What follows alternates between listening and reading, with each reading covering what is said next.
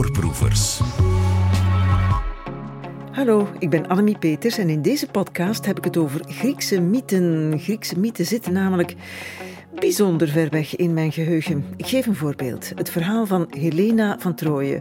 Wat weet ik daar eigenlijk van? Helena is bloedmooi, even mooi als Diane Kruger. Ze trouwt met Menelaos. Ze wordt verliefd op de veel knappere Trojaanse prins Paris. De artiestennaam van Paris is Orlando Bloom. Menelaos wordt kwaad, wil haar terug. Daar komt de Trojaanse oorlog van en Brad Pitt speelt daar een hoofdrol in. Dat is wat je noemt maar magere kennis. En dat vindt de Britse klassicus en radiopresentator Natalie Haynes ook. En die heeft speciaal voor mij, zo lijkt het, maar ook voor u en iedereen natuurlijk, een boek geschreven. Dat heet De Vaas van Pandora. En dat wil recht doen aan die mythen die door de eeuwen heen zo vaak her en herverteld zijn en herschreven en herfilmd dat ze alleen nog maar van ver lijken op wat ze ooit waren. Daar gaat het over in deze podcast. Voorproevers. Ik heb Nadia Sels te gast. Ze is professor klassieke mythologie aan de Universiteit van Gent. En ze doet onderzoek aan de Universiteit van Hasselt. En ze is ook docent kunstgeschiedenis aan de PXL Mad School of Arts, ook in Hasselt. Dat klinkt als een gekke school mevrouw dat is het soms wel, maar op een goede manier. Het is een goede, zelfs perfecte combinatie om vandaag bij mij te zitten, omdat we allebei het boek De Kruik van Pandora hebben gelezen. Dat is een boek vertaald uit het Engels, geschreven door de Britse klassicus Natalie Haynes. En het gaat over Griekse mythen en hoe die door eeuwen en eeuwen hervertelling, herschrijving, heropvoering, herverfilming vaak verworden zijn tot verhalen die amper nog lijken op het oorspronkelijke. Dat is een beetje kort door de bocht besef ik.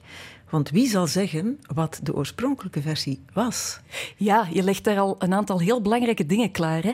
Want uh, ik zou eerst en vooral willen zeggen van als wij spreken over een mythe, um, dan hebben we het eigenlijk per definitie over een verhaal dat niet één auteur heeft. Dat niet terug te leiden is tot één specifieke persoon die dat verhaal verzonnen heeft. Nee, zelfs geen oerverteller ooit, hè? want dat is in vertelde vorm en doorvertelde vorm ja. ontstaan. Hè? Dat is de eerste vorm van zo'n verhaal. En dat is natuurlijk enerzijds het bewijs van hoe belangrijk die verhalen waren voor een bepaalde maatschappij. Dat ze voortdurend herverteld werden, dat het eigenlijk gemeenschappelijk eigendom was. Ehm, en anderzijds um, maakt dat het ook heel interessant en heel boeiend om er onderzoek naar te doen. Want dat betekent dat voor elke mythe uh, in een bepaalde versie dat er een tegenversie is. Of dat er altijd, als je een bepaald verhaal verteld hebt, dat er nog een opmerking is die je kan zeggen van ja, maar je kan er ook nog bij vertellen dat dit en dit en dat daarna gebeurt. Zolang het gaat om de vertelde versies? Maar op een keer zijn ze toch opgeschreven. Ja, dan inderdaad. heb je toch vaste versies waar je op kunt terugvallen. Dan krijg je uh, vaste versies en die uh, hebben ons dan vaak bereikt. Nu natuurlijk, dan nog altijd heb je vaak verschillende auteurs die daar vaak op heel andere manieren mee aan de slag gaan. Maar wie is de eerste schrijver? De eerste die het, van wie we weten dat het is opgeschreven? Wel, uh, de Grieken die zouden dan meteen twee uh, schrijvers noemen, of schrijvers, ja, eigenlijk ook mythische figuren bijna, want we weten niet dat die echt bestaan hebben. En hoogstwaarschijnlijk, naar alle, alle waarschijnlijkheid, hebben die ook maar gewoon een verhaal op um, of, of ja, er wordt verwezen naar die persoon om te zeggen van kijk, die versie die op een bepaald moment in de geschreven taal is opgenomen, die is van, en dan komen de twee belangrijke namen, Homeros of Hesiodos. Dat waren de twee auteurs die de Grieken als de stamvaders van de mythologie beschouwden. En kun je dan een van de twee al aanwijzen als degene die toch een beetje genuanceerder was dan de andere of niet? Uh, mijn, mijn voorkeur zou absoluut uitgaan naar Homeros, maar um, ze hebben eigenlijk allebei heel um, boeiende verhalen geschreven. En het boeiende aan die verhalen is ook dat je daar heel goed aan merkt dat dat een... Um, uh, dat daar meerdere stemmen in zitten. En vaak laten, uh, laat de belangrijkste stem zich horen. Bijvoorbeeld Hesiodos, die, die um, af en toe uh, gooit hier behoorlijk vrouwenvriendelijke dingen tussen. Maar als je dan gaat kijken naar de tradities die hij hervertelt, dan kan je zien dat in die tradities vaak zelf al een soort van tegenstem zit. Of een andere kijk op de dingen. Ja, en waarom zeg je nu vrouw onvriendelijk? Want dat is wat die Nathalie Heens een beetje aanklaagt. Die zegt, ongenuanceerd en toch ook vaak vriendelijker voor mannen dan voor vrouwen, zoals die verhalen tot bij ons zijn gekomen. Maar dat was dus in de tijd ook al zo. Uh, ja, en uh, Heens vertelt, uh, en dat waardeer ik er ook enorm aan, ze vertelt een heel genuanceerd verhaal. En ze doet eigenlijk twee dingen. En ik vind alle twee die dingen moeten gebeuren. Uh, in de eerste plaats zegt ze van, kijk, we moeten erbij stilstaan dat die verhalen vaak een heel vrouwonvriendelijk beeld schetsen uh, van die wereld, want die wereld was ook vrouwonvriendelijk. Daar kunnen we niet rond. Dus die mythes zijn een weerslag van een maatschappij met een patriarchale structuur, waarin Um, heel veel oordelen over vrouwen werden geveld die behoorlijk hard waren.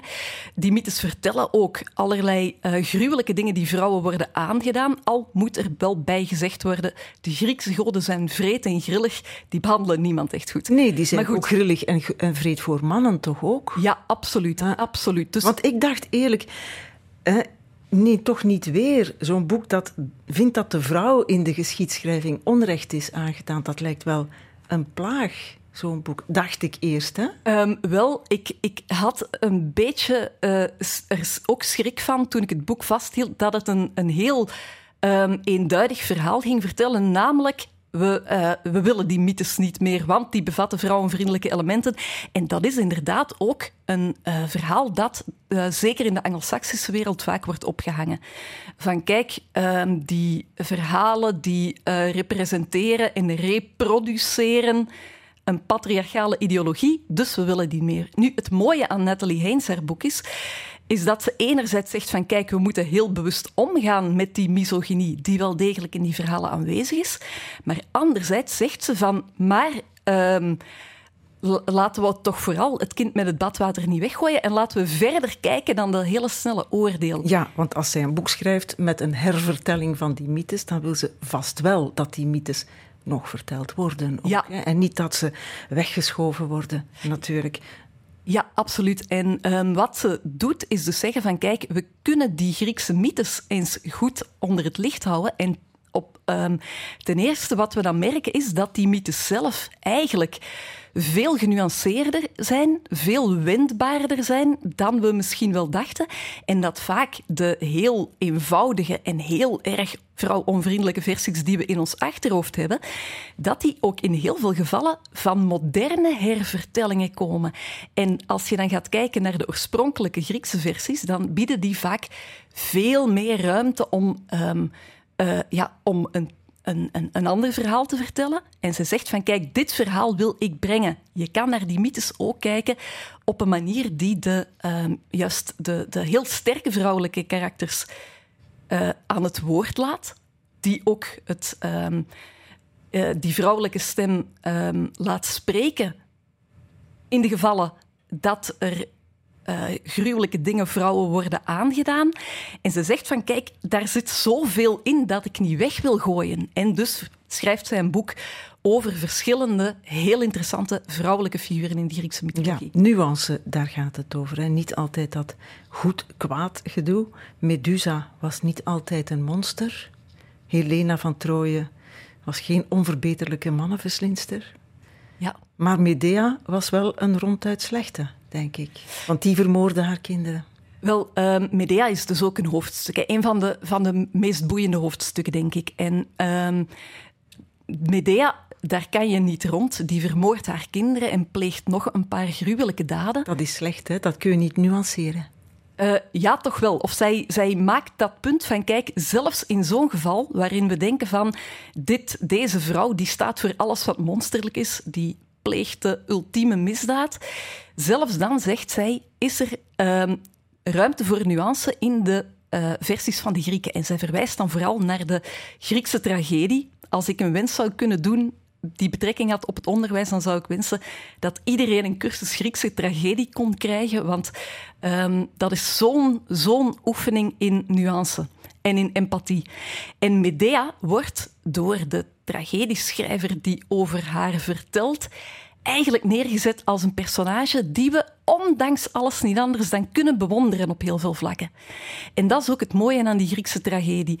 Die um, velt nooit een oordeel, maar die toont een heel ruime context waarin dat niemand puur goed of niemand puur... Maar leg dan eens uit hoe die Grieken dat doen. kort. Hè? Ze vermoordt haar kinderen. En je zegt, we kunnen haar toch bewonderen. Um, nu, ja, dat, is, dat zou misschien ook niet... Ja, ik ben, ik ben alweer aan het versimpelen natuurlijk. Maar ik moet het wel kunnen snappen. Wel, um, hoe, hoe doen die tragediedichters dat? Ze tonen bijvoorbeeld dat, um, of, of ze laten die personen aan het woord en schetsen zo de bredere context. En wat is bijvoorbeeld de bredere context van Medea? Zij is een jong meisje dat is meegelokt door de held Jason, die eigenlijk haar een beetje, um, die heel handig gebruik heeft gemaakt van haar verliefdheid voor hem om zijn eigen heldentocht te volbrengen, want Medea is een tovenares en een heel krachtige bondgenoot. En dan uh, troont hij haar mee naar Griekenland. Ze laat alles voor hem achter. En één keer dat ze in Griekenland zijn en zij hem twee kinderen heeft gegeven, zegt hij van ja, maar eigenlijk wil ik toch niet met een buitenlandse trouwen die hier helemaal mij, mijn positie niet kan versterken. Ik wil eigenlijk met een prinses trouwen en ik heb al een jongere vrouw gevonden. En nu zou ik wel graag willen dat jij en de kinderen uh, het land uh, verlaten. Want dit is wel uh, voor mijn nieuwe vrouw een gênante situatie dat ja, je hier wat ze zou kunnen doen. En dan zou ik, als ik haar was, met slaande deuren vertrekken. Mijn kinderen onder de arm nemen en weggaan. Maar ze vermoorden. Ja, absoluut. Dat is, uh, ja, natuurlijk, er is, er is geen manier om dat goed te praten. Maar goed, het is een tragedie natuurlijk ook. Hè? Ja, je, moet, je moet theater kunnen maken. Maar wat die tragedie doet, is u oefenen in zelfs de meest... Um, of u u oefenen in hoe ver um, kan ik empathie hebben voor mensen? En in welke mate kan ik mij inleven in wat iemand doormaakt? En um, is er ook een verhaal dat niet verteld wordt in een verhaal van helden en schurken? En Medea, ja, het finale oordeel over haar kan niet anders dan negatief zijn, maar ze, eh, ze wordt eigenlijk getoond als iemand die paradoxaal genoeg meer liefde voor haar kinderen heeft dan die echtgenoot van haar, die als een, een heel uh, pretentieus, laf, um, slap karakter wordt mhm. neergezet. En bestaat er vandaag nog ergens, behalve in boeken dan bijvoorbeeld, een versie, een hedendaagse versie in film of in theater, die die nuances weergeeft? Of vind je dat niet meer? Uh, en moet je dan echt terug naar die oude Grieken? Ik hou ontzettend veel van um, de film van um, Pier Paolo Pasolini van, van Medea. En die maakt Medea zeker geen um, onschuldig schaapje, hè, maar die toont hoe zij ja, een, een extreem radicale vrouw is die wel aspecten heeft die, waarmee je kan sympathiseren. Dan moet ik eens naar die film gaan kijken. Ja, absoluut. Hm. Ik ga um, Natalie Haynes eens laten horen hoe ze klinkt in haar programma op BBC Radio 4. Ze maakt uh, ook radio, zoals ik al zei. En ze maakt daar ook een podcast van. BBC Sounds, music, radio, podcasts. Hello and welcome to Natalie Haynes Stands Up for the Classics. So today I am standing up for, and by standing up, I really do mean sitting on the floor for Helen of Troy. Helen of Troy is famously the face that launched a thousand ships, according to Marlowe's Dr. Faustus. She makes no reply in Marlowe's play. In fact, she doesn't speak once in the play. It is almost as though the world's most beautiful woman is slightly more desirable to some men if she is essentially mute.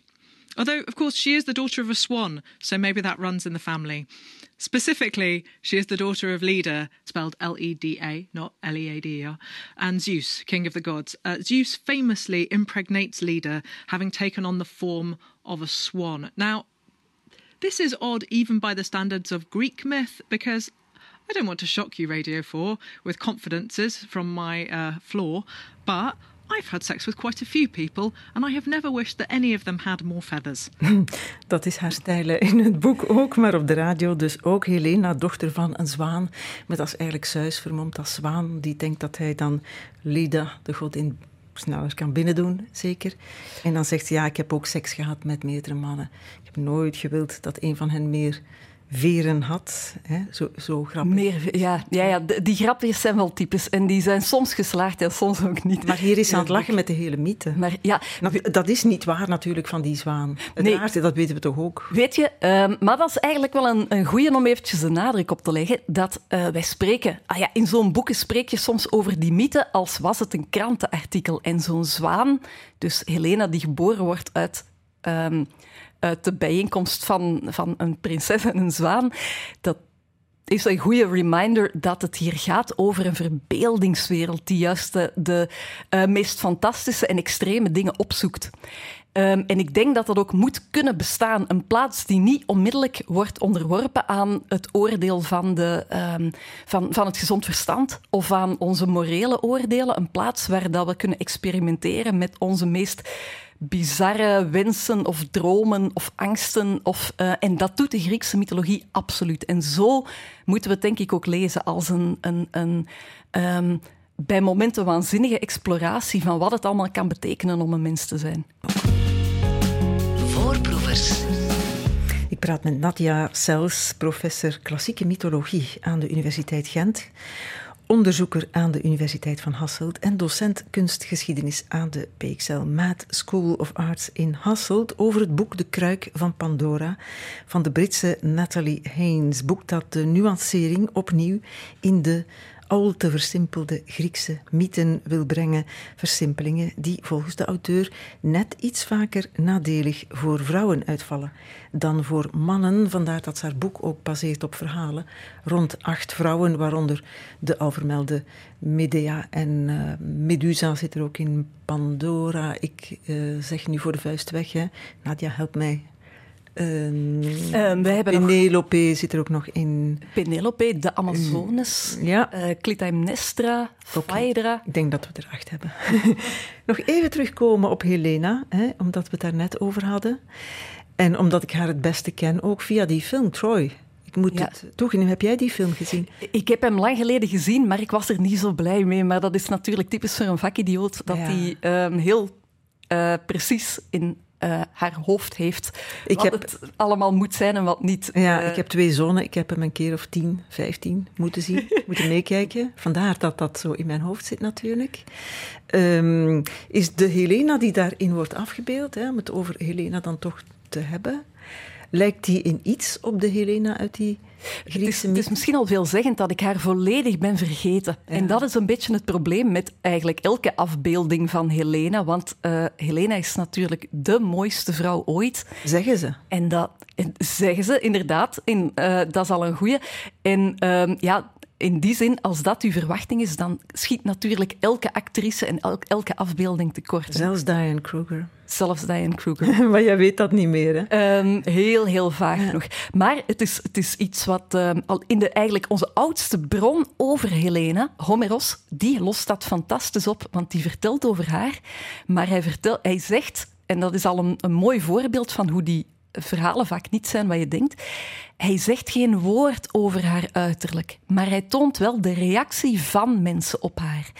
En de manier waarop hij die reactie beschrijft is ook heel interessant, want uh, je zou misschien denken dat zij beschreven wordt als een soort van zeer zelfzekere koningin die mannen om haar vingers wint. Maar het omgekeerde is waar. Homeros beeldt haar af als een ontzettend eenzame vrouw die daar in Troje terwijl dat de Grieken oprukken, uh, gevangen zit in een stad waar het grootste deel van de inwoners haar haten omdat ze de oorlog heeft gebracht, die zichzelf een ongelooflijk schuldgevoel aanpraat um, en die uh, ja, zich heel bewust lijkt te zijn dat zij een speelbal is van de godin Aphrodite, de godin van de liefde die haar heeft weggeschonken aan die Paris. En hoe je dat moet lezen, kan natuurlijk veel dingen betekenen. Misschien was zij razend verliefd. In Troy wel, hè? in de film Troy wel. Ja. Had ze uit eigen beweging mee. Ja. Is ze niet ontvoerd, want dat is ook een versie. Hè? Inderdaad, en dat is, dat is dus opmerkelijk dat in de Griekse mythologie en in de Griekse literatuur wordt er voortdurend afgewogen van ja, maar wat is daar nu eigenlijk gebeurd? In sommige versies is zij de echtbreekster, de femme fatale die al die doden op haar geweten heeft, maar er zijn evengoed versies die zeggen van ja, maar... Um, heeft zij wel schuld. Mm -hmm. um, Om maar te zeggen, nuance is hier ook op zijn plaats. Ja, en wij zouden natuurlijk in de eerste plaats zeggen, zij heeft het recht om weg te gaan van haar man. Maar we spreken natuurlijk over een archaïsche wereld waarin...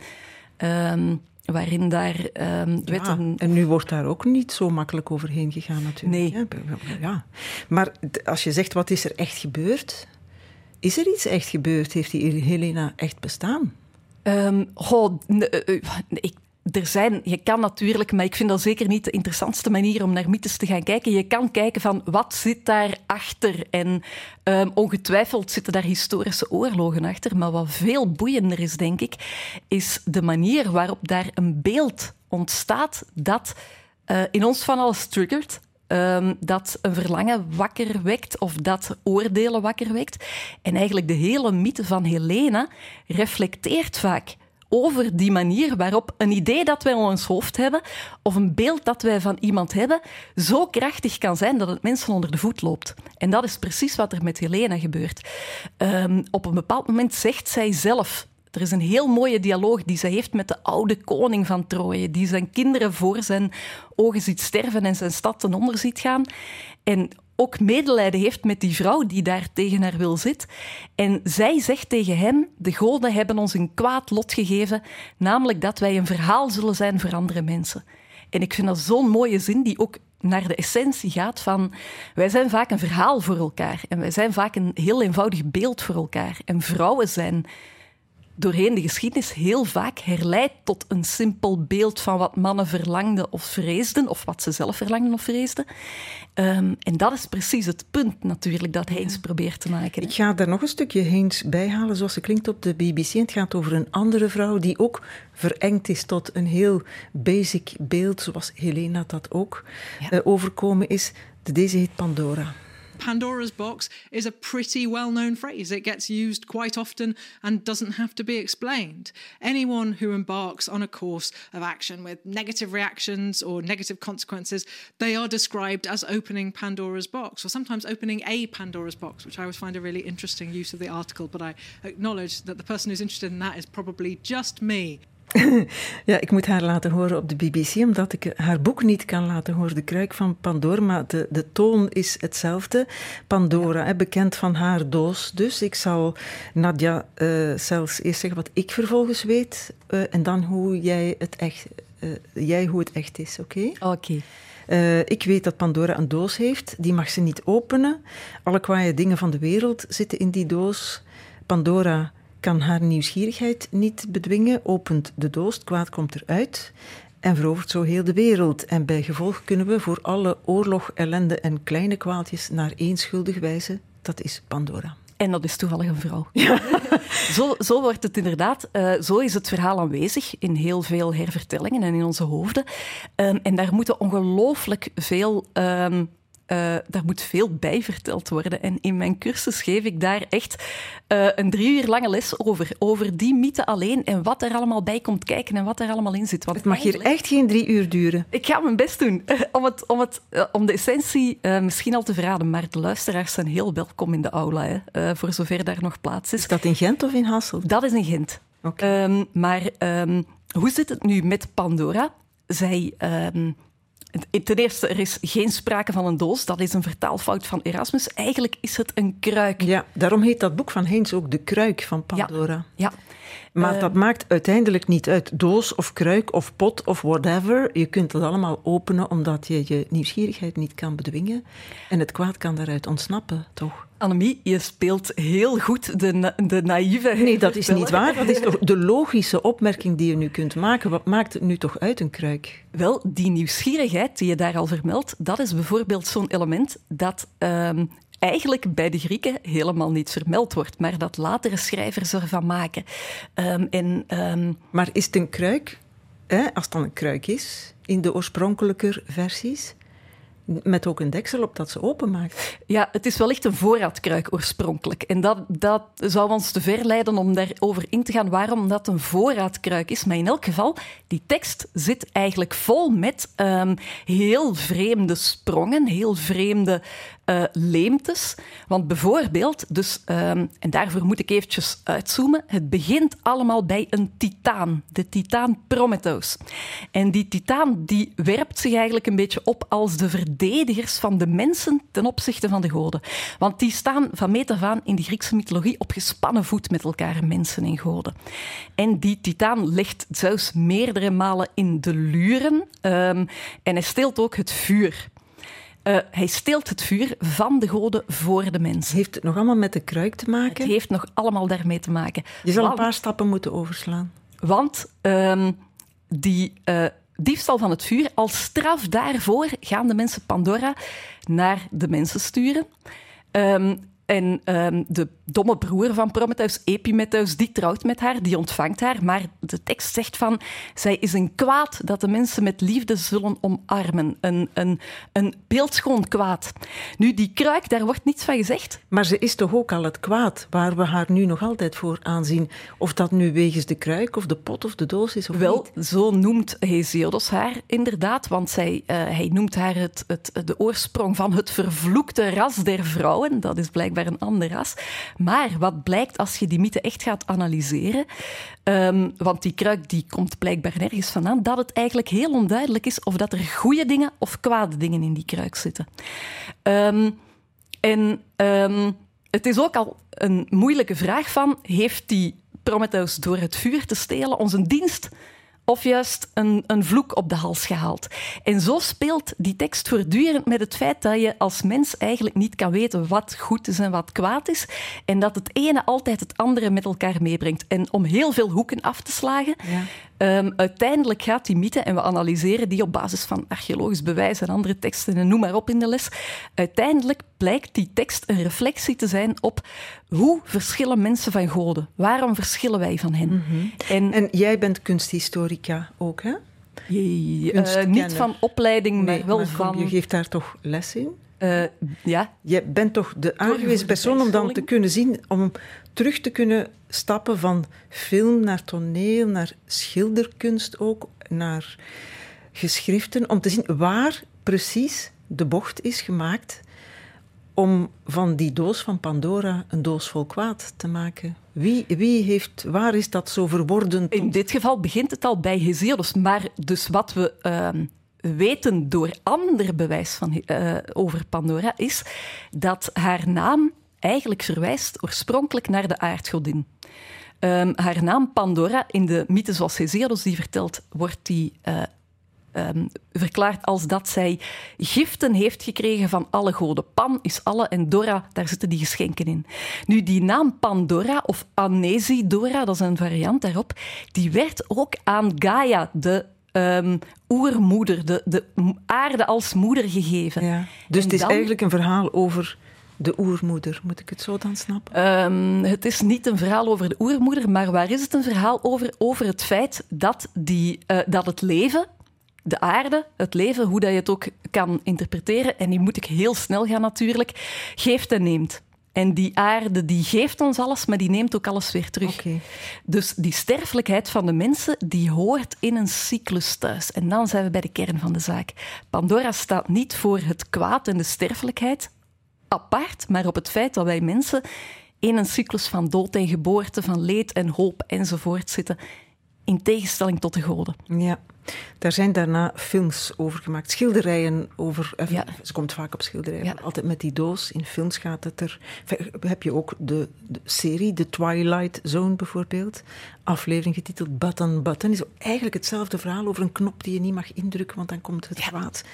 Kiss Me Deadly, film noir uit 1955, met een doos van Pandora. Allemaal over de aantrekkingskracht van een verboden doosje. Ja, ja die er niet was in het, begin, in het beginverhaal. Pandora zit ook in games trouwens. Legendary, The Box. En dan is er muziek. Hè. Donna Summer, topnummer van Love to Love You Baby is de LP. Daar zit Pandora's Box in als nummer. Orchestral Maneuvers in the Dark, gelijknamig uh, nummer ook. Voorproevers. De mythen waarover we het hebben zijn de Griekse, hè, omdat we het hebben over de kruik van Pandora. Een boek um, van de Britse klassicus, radiopresentator en podcastmaker Nathalie Haynes, gelezen door de Vlaamse klassicus uh, en kunstkenner, kunsthistorica, maar niet van opleiding. Nadia Sels, zo zeg ik het goed, hè? Ja, dat is goed. Nog even over wat we daar straks zeiden, of wat jij daar straks zei. In Groot-Brittannië, in de Anglo-Saxische wereld, bij uitbreiding, liggen die oude mythes onder vuur hier en daar. Hè. Gaan er stemmen op die zeggen: schrap dat, vertel dat niet meer, want dat past niet meer bij uh, het wereldbeeld dat we vandaag hebben, bij de man-vrouw verhoudingen. Die, die, die wij vandaag hebben? Ja, dat is dus een hele discussie. En um, voor een deel speelt hij zich natuurlijk op, op Twitter af. Nu, um, dat past natuurlijk ook in het herbekijken van de kanon. En daar zit ook een stuk, en daar moeten klassici zich eens goed over bezinnen, daar zit ook een stuk anti-elitarisme in, in de zin van, men heeft die oudheid vaak uh, heel Um, of dat is vaak een ding geweest van een heel klein deel van de bevolking. Maar juist het punt is, ik zou niet liever willen van dat dat van iedereen is. Dat maar iedereen... gaat de discussie in de Anglo-Saxische wereld daarover? Het of is het ook het, een, een deel van de woke-discussies ja, die je tegenwoordig krijgt? Van dit past niet meer, dit mogen we niet meer zeggen. En dus schrappen we het. Um, Zoals Winnetou ook geschrapt moet worden. Ja, en Zoals ik, de kampioenen. Hart breekt, mijn hart breekt voor Winnetou. Als Ja. ik dat eventjes op de radio Maar mag jouw zeggen. hart breekt toch ook voor Pandora en voor Helena? Absoluut. Want, en ik denk dat er heel goede... Het is een grote discussie en het is een belangrijke discussie, maar ik denk dat er heel goede argumenten zijn om aan te halen dat je ook, en net vanuit feministisch perspectief, dat, je, eh, dat er redenen zijn om juist wel met die mythes aan de slag te gaan. Maar laat ik eerst, voordat ik op die, die argumenten pro inga, laat ik zeggen van, ik weet dat het een heel belangrijke discussie is. En eh, we hebben het er eventjes over gehad. Ik lees dus bijvoorbeeld ook, eh, niet alleen met de studenten die mythes, maar ook met mijn twee dochters. Ehm, En hoe oud zijn de dochters? die zijn 8 en 10. En die ze hebben zelf heel spontaan eh, die boeken meegebracht van de BIP. En dan lezen we die samen. En dan zou een andere in die woke-discussie kunnen zeggen: doe dat niet, want dat vervormt hun wereldbeeld tot iets wat ze Nu, ik, niet meer moeten weten. Ik, ik, weten. snap, ehm, ik snap waarom ze dat zeggen, want dat is best wel confronterend om met uw kleindochtertje op schoot eh, te lezen over nymfen die worden verkracht en dergelijke. Eh, dus ik heb, het, ehm, ik heb het ook echt eens aan hen gevraagd van, van ja, maar wat vind je er dan van? En dat is nu natuurlijk het ding van, ik lees die mythen niet zomaar, maar ik, maar ik praat daar met hen over. Van kijk, zo is het vroeger geweest vaak. Of die verhalen vertellen dit en dit en dat. En wat denk je daarvan? Of wat... Ehm, dus je hoeft die niet neutraal te lezen. Nee, maar jij kan dat niet neutraal lezen. Jij kan die uitleg erbij geven, want jij bent klassicus. Maar als ik dat met mijn zonen zou lezen, bijvoorbeeld, die dat nu al lang zelf kunnen lezen en daar hun eigen ding wel van zullen maken. Maar ik kan, ik kan die uitleg niet geven en heel veel mensen Wel. ook niet. Dus voor hen gaat dat argument misschien toch wel meer op. Ehm, wel, eh, ik, denk, eh, ik, denk, dat mensen meer kunnen dan dat je denkt ten eerste. Maar ehm, het ding is ook, zo één van die verhalen vertellen en daarna iets helemaal anders. Het gaat niet over van welke verhalen zijn goed of slecht, maar het gaat over de vertelcultuur. En als dat één verhaal is onder veel positieve verhalen, dan gaat dat nooit een slecht effect hebben. Nu, het is wel zo dat je natuurlijk daarover moet nadenken. En bijvoorbeeld vertalen, hoe vertaal je die dingen, dat is een belangrijke. En daar haalt Heinz ook veel voorbeelden van aan. Als je vergoelijkend spreekt over de omhelzing van een nimf, terwijl die eigenlijk ah ja, tegen, tegen haar wil um, met, een, met een god slaapt, dan, um, dan ben je al... En kijk, zie, ik doe het zelf ook al. Ik ben ook al een eufemisme aan het gebruiken. Dus dat is een moeilijke. Ja, maar en- juist omdat die geschiedenis er is, omdat het verleden zo geweest is, is het een heel slecht idee om dat weg te knippen, want dan Ja. steek je zelf een oog uit. Ik heb nog een moeilijke, een lastig geval. Phaedra, eh, koningin die verliefd wordt op haar stiefzoon. Ja, dat En klopt. hij beschuldigt haar van verkrachting. Als jij dat met je dochters leest. wat Het, is een, het is omgekeerd. Dus ehm, Ah. zij wordt verliefd op hem en eh, je, zij, hij beschuldigt Ah, haar van verkrachting. Ja? Maar nee, nee, zij Ah, nee, beschuldigt ja, hem uiteraard. ervan. Ja, Dus Sorry, ja. Ehm, uit, uit wanhoop dat ze is afgewezen, beschuldigt zij hem vals van verkrachting. En dat gaat leiden tot zijn dood. Want zijn vader gaat hem proberen te straffen en dat, eh, die, die jongen komt om. Ehm, eh, maar nu, nu, nu ben ik eventjes mijn draad kwijt. Ik, wou, ik vroeg, hoe lees je dat? Wat, hoe leg je dat uit? Ja, Want er zijn volgens mij klassici geweest die dat verhaal niet meer wilden Ja, vertellen, ook klopt. in de Anglo-Saxische wereld.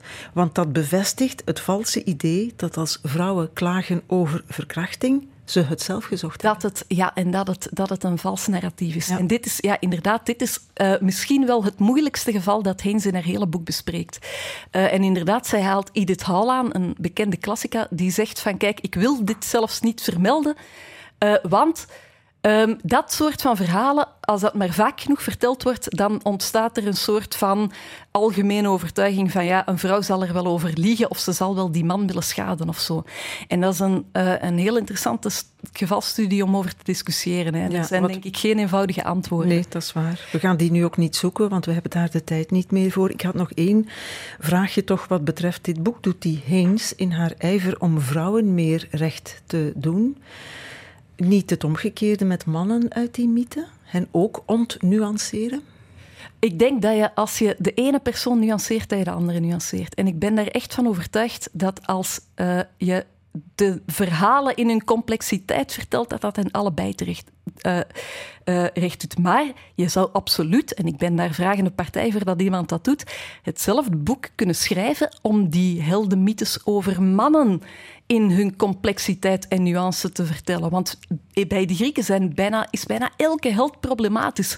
En wordt die tegen het licht gehouden en wordt de vraag gesteld van, ja, maar is dit wel een goed... Uh, is dit wel, wel zoals we uh, onze helden willen zien. Dus er is altijd een tegenverhaal. Ja, en het zijn in deze tijden dan vooral de vrouwen die opstaan en die dat doen en die hen vertellen en die hen recht doen om, om, om dan daarna waarschijnlijk toch wel weer maar, het evenwicht te krijgen. Ik moet uh, jou bedanken voor het lezen van het boek, het komen vertellen over het boek De Kruik van met veel Pandora van Nathalie Heins. Succes met de lessen Griekse mythe in Gent en Hasselt. Voorproevers. Dit was een podcast van Voorproevers. Alle andere in deze reeks vindt u ook via de app van VRT Max. En we zijn er natuurlijk ook live van maandag tot donderdag om 6 op Radio 1.